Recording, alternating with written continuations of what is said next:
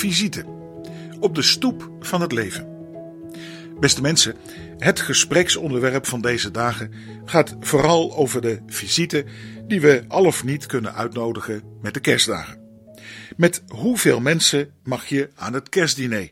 Dat schijnt de meest actuele grote vraag van nu te zijn. Zelfs de verschillende reclamespotjes van de supermarkten draaien in hoofdzaak om dat thema.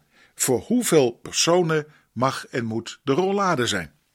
Waarbij juist ook met de kerst natuurlijk het gemis ook van mensen extra pijnlijk gevoeld wordt. We hebben als mensen nu eenmaal behoefte aan ontmoeting, contact, nabijheid. En tegelijkertijd willen we natuurlijk ook graag dat virus eronder krijgen en dat is niet makkelijk. En we begrijpen ook best wel dat we daarvoor wat aan onze vrijheid moeten inleveren. Waarbij de pijn die dat kost voor de een denk ik ook groter is dan voor de ander. Denk maar eens aan de horeca, de zorg, de ouderen, de kwetsbaren, de ondernemers, theatermakers, kerken en scholen. En het lijstje is nog lang niet af. Deze week vierden we zo bijvoorbeeld na een digitale Sinterklaas met onze kinderen en kleinkinderen via FaceTime onze trouwdag ook gewoon met z'n tweetjes. Met een heerlijk thuisdiner. Overigens dankbaar dat we dat ook nog mogen en kunnen vieren natuurlijk. Het contact met de buitenwereld speelt zich voor velen letterlijk op de stoep voor het huis af, waar de pakketbezorgers hun spulletjes keurig coronaproef afleveren.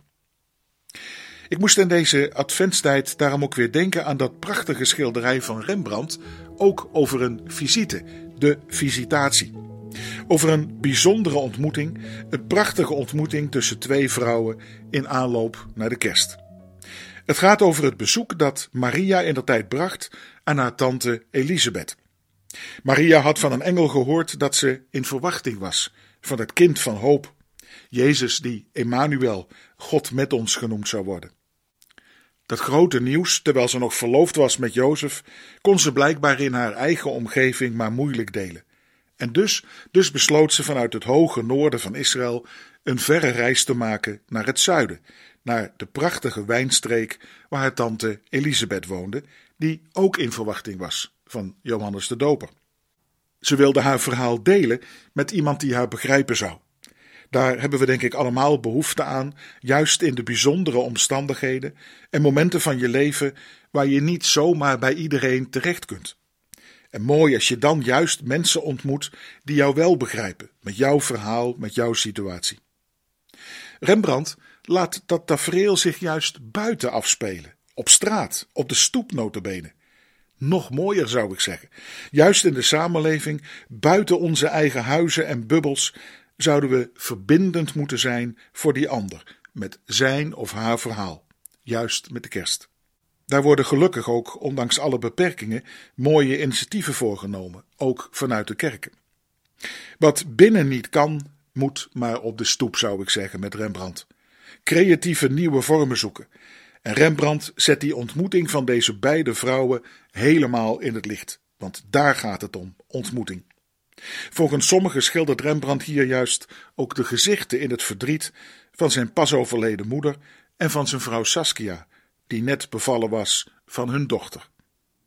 En op de achtergrond zien we de oude priester Zacharias, die de boodschap dat ze op zijn leeftijd nog een kind zouden krijgen nauwelijks kon bevatten en tot de geboorte van Johannes de Doper zou moeten zwijgen.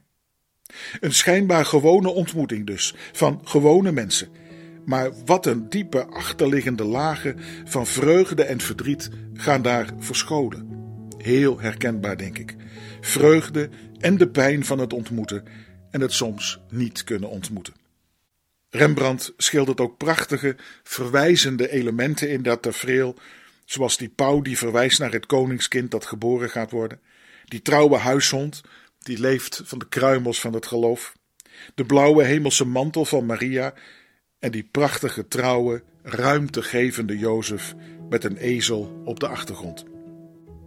Maar de verborgen boodschap in deze visite zit in die ene kleine, grote aanwezige. Als Maria aankomt bij Elisabeth, dan lezen we dat het kindje in de moederschoot van Elisabeth opsprong van vreugde door de aanwezigheid van de kleine Jezus in de buik van Maria. Prachtig. Op de stoep, de rand van het leven, waar ontmoeten niet vanzelfsprekend is, geeft de aanwezigheid van Jezus, hoe klein nog ook, een nieuw geloofsenthousiasme om jaloers op te worden, zou ik zeggen.